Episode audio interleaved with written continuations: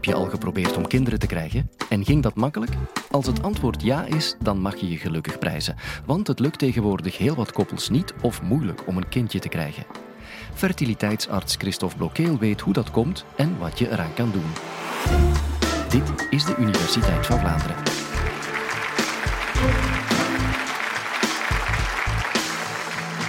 Als jullie één ding moeten onthouden vanavond, is het wel dat de leeftijd van de vrouw de meest belangrijke factor is om vanzelf en vlug zwanger te worden. Want inderdaad, we gaan het hebben over infertiliteit of onvruchtbaarheid. Onvruchtbaarheid, dus het niet uh, kunnen krijgen van een, een kind of niet spontaan zwanger worden na één jaar verwoede pogingen. Dus na één jaar regelmatige betrekkingen. Want het is duidelijk dat je, je moet betrekkingen hebben om, uh, om zwanger te worden.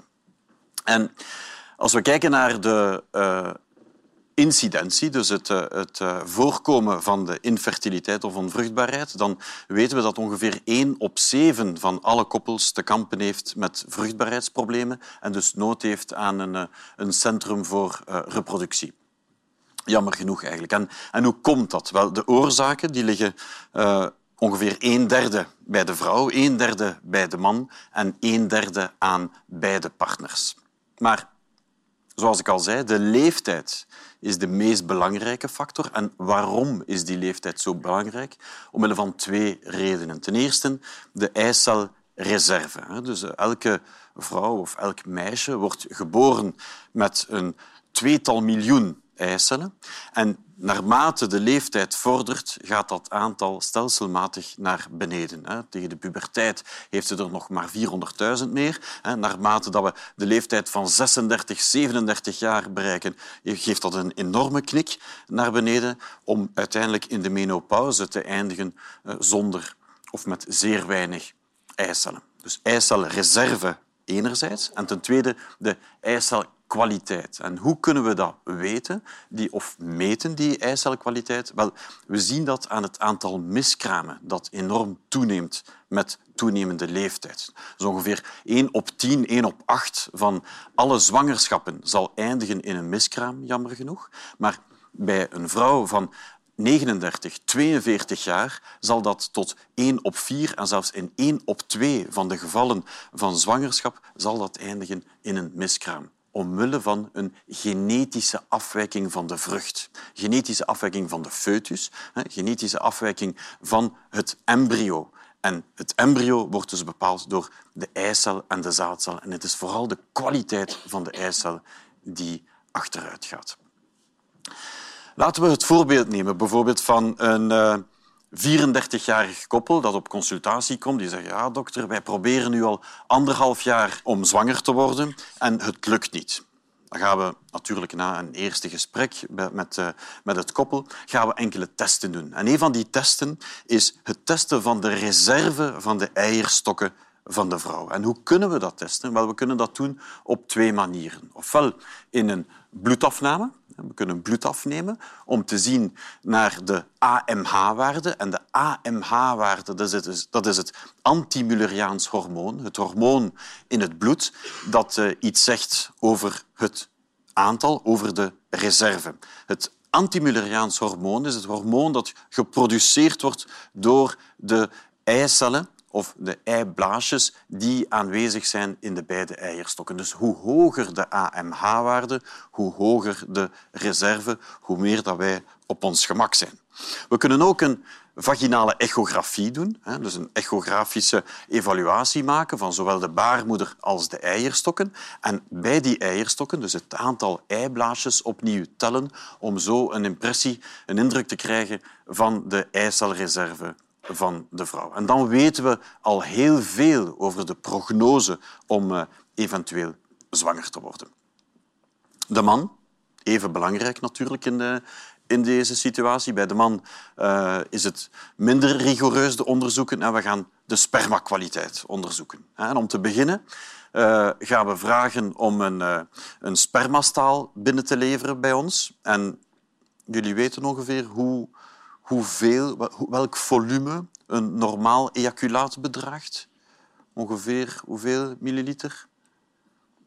geen pollepel, nee, maar het is eigenlijk een koffielepel van uh, hoeveelheid. Dus tussen de 2 en de 7 millimeter is een uh, normale uh, hoeveelheid sperma dat afgeleverd wordt in een ejaculaat. En dan zijn er drie parameters belangrijk.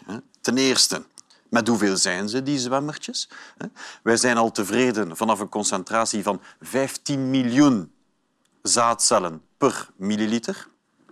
20 of 30 miljoen is natuurlijk ook al uh, zeer goed. Maar vanaf 15 miljoen zijn we, zijn we tevreden. Ten tweede, hoe bewegen ze? De motiliteit van de, van de zaadcellen. En dat uh, kunnen we onderverdelen in vier categorieën. A, B, C en D. Ten eerste de snel vooruitbewegende zaadcellen de traag vooruitbewegende, de diesels, dan de ter plaatse trappelende zaadcellen en de onbewegelijke.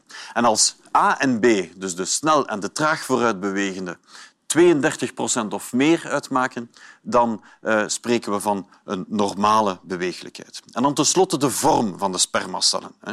Een, een uh, normale morfologie is meer dan 4 procent. Dus dat betekent dat de overgrote meerderheid van de zaadcellen abnormale vormen zal hebben. Bijvoorbeeld een, een te afgeronde kop of twee staarten of een ontbrekend middenstuk of zo. Dus dat kan allemaal uh, voorvallen. Dus 4 procent normale vormen is een normo, uh, uh, normosospermie. We hebben ons koppel van 34 jaar. Bij de man hebben we toch een verminderde bewegelijkheid uh, gezien van zijn, van zijn spermacellen. Dus de eerste stap in een, in een behandeling om het koppel te helpen om zwanger te worden, is de inseminatie. Inseminatie, het inbrengen van semen, het inbrengen van uh, zaad bij de vrouw. En, en hoe situeert zich dat? Wel, in feite moet je u het volgende voorstellen. We vragen een ejaculaat aan de man. We vragen aan de man om een spermastaal te produceren. Dat gaan we centrifugeren, dus wassen, selecteren, de beste eh, zaadcellen daaruit halen en dan op het goede moment bij de vrouw inbrengen in de baarmoeder. Dus dit is een intrauterine inseminatie, dus het inbrengen van zaad in de baarmoeder op de juiste plaats. Dus niet in de vagina, zoals bij normale betrekkingen, maar het is geselecteerd sperma dat in de baarmoeder uh, gebracht wordt.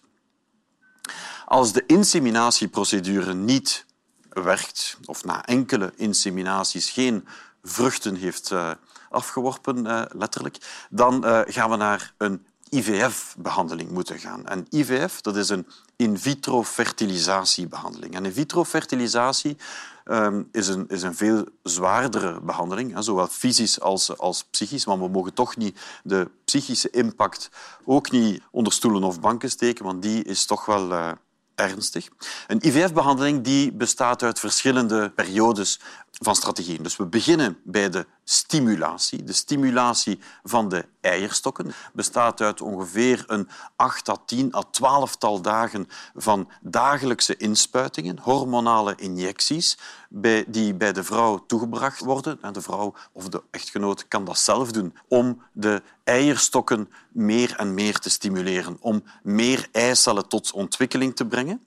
En eenmaal we een mooie oogst hebben, laten we zeggen een tiental, een twaalftal, een vijftiental mooie rijpe eicellen, dan gaan we de pick-up doen. En de pick-up is een punctie van de eicellen. Dus via vaginale weg doen we een echografie. Daarop staat een naald uh, gemonteerd en zo prikken we de eicellen aan uit de eierstok om die uit het lichaam te halen en dan uiteindelijk met het sperma te laten bevruchten. Dus zoals je kan zien uh, op de op het beeld. Dit is een procedure waarbij de zaadcellen, ongeveer een vijfduizendtal zaadcellen, bij de eicel gebracht worden om een fertilisatie, om een bevruchting te bewerkstelligen. En als je goed kijkt, zien jullie de diameter van de eicel en zien jullie, ocharme, dat diameter van die spermacel.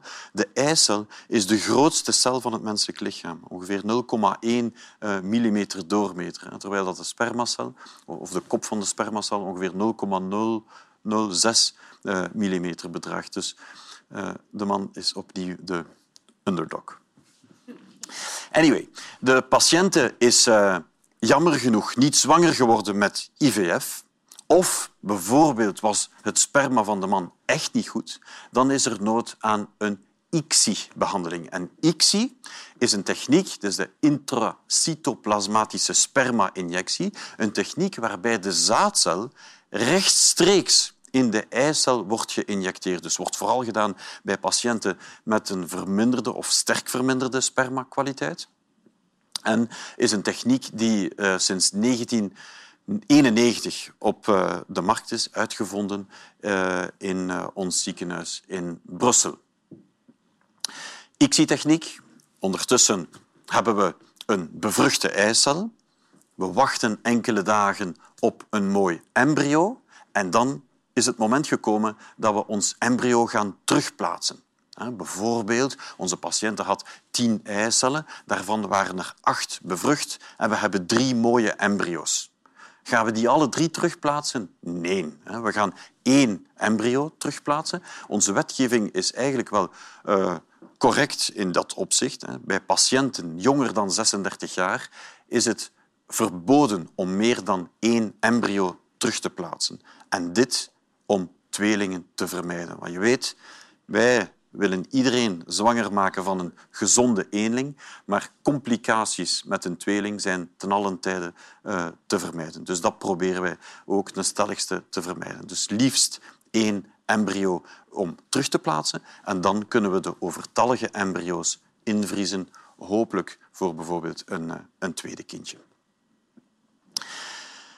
Ik zou het uh, met jullie nog willen hebben over eiceldonatie. Want niet iedereen kan zwanger worden met eigen eicellen.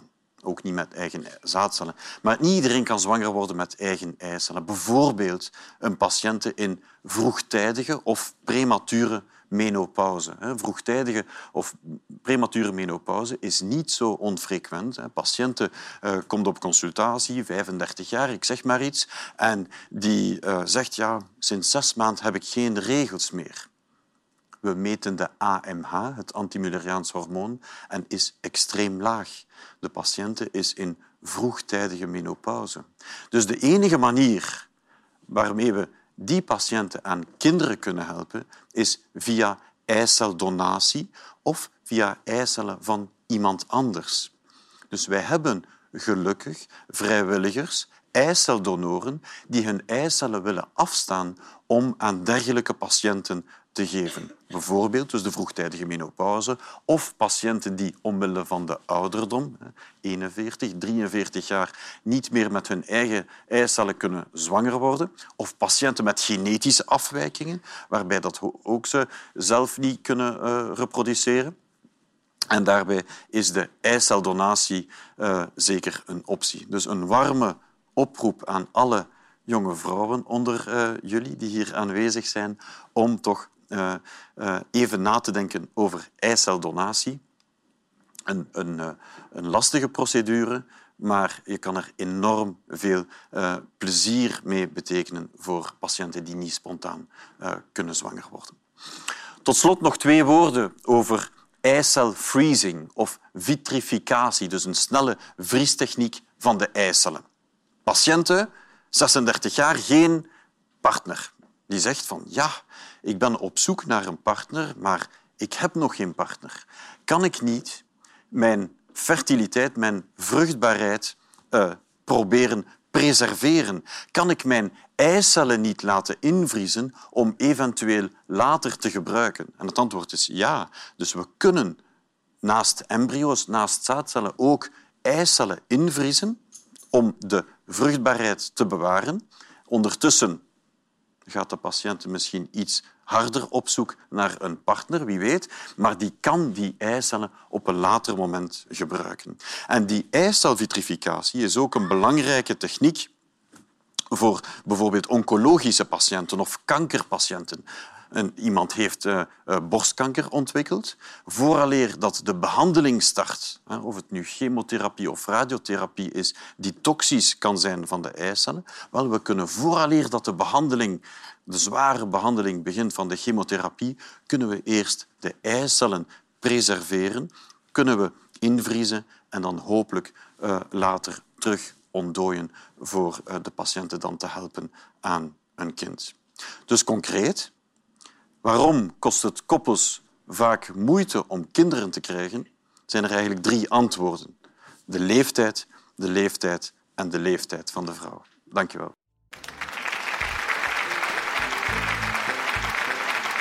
Vind je deze podcast de moeite? Geef ons dan een duimpje of sterren. Of deel de podcast, zodat nog meer mensen de heerlijke wereld van de wetenschap kunnen ontdekken. En als je er nooit nog één wil missen, abonneer je dan.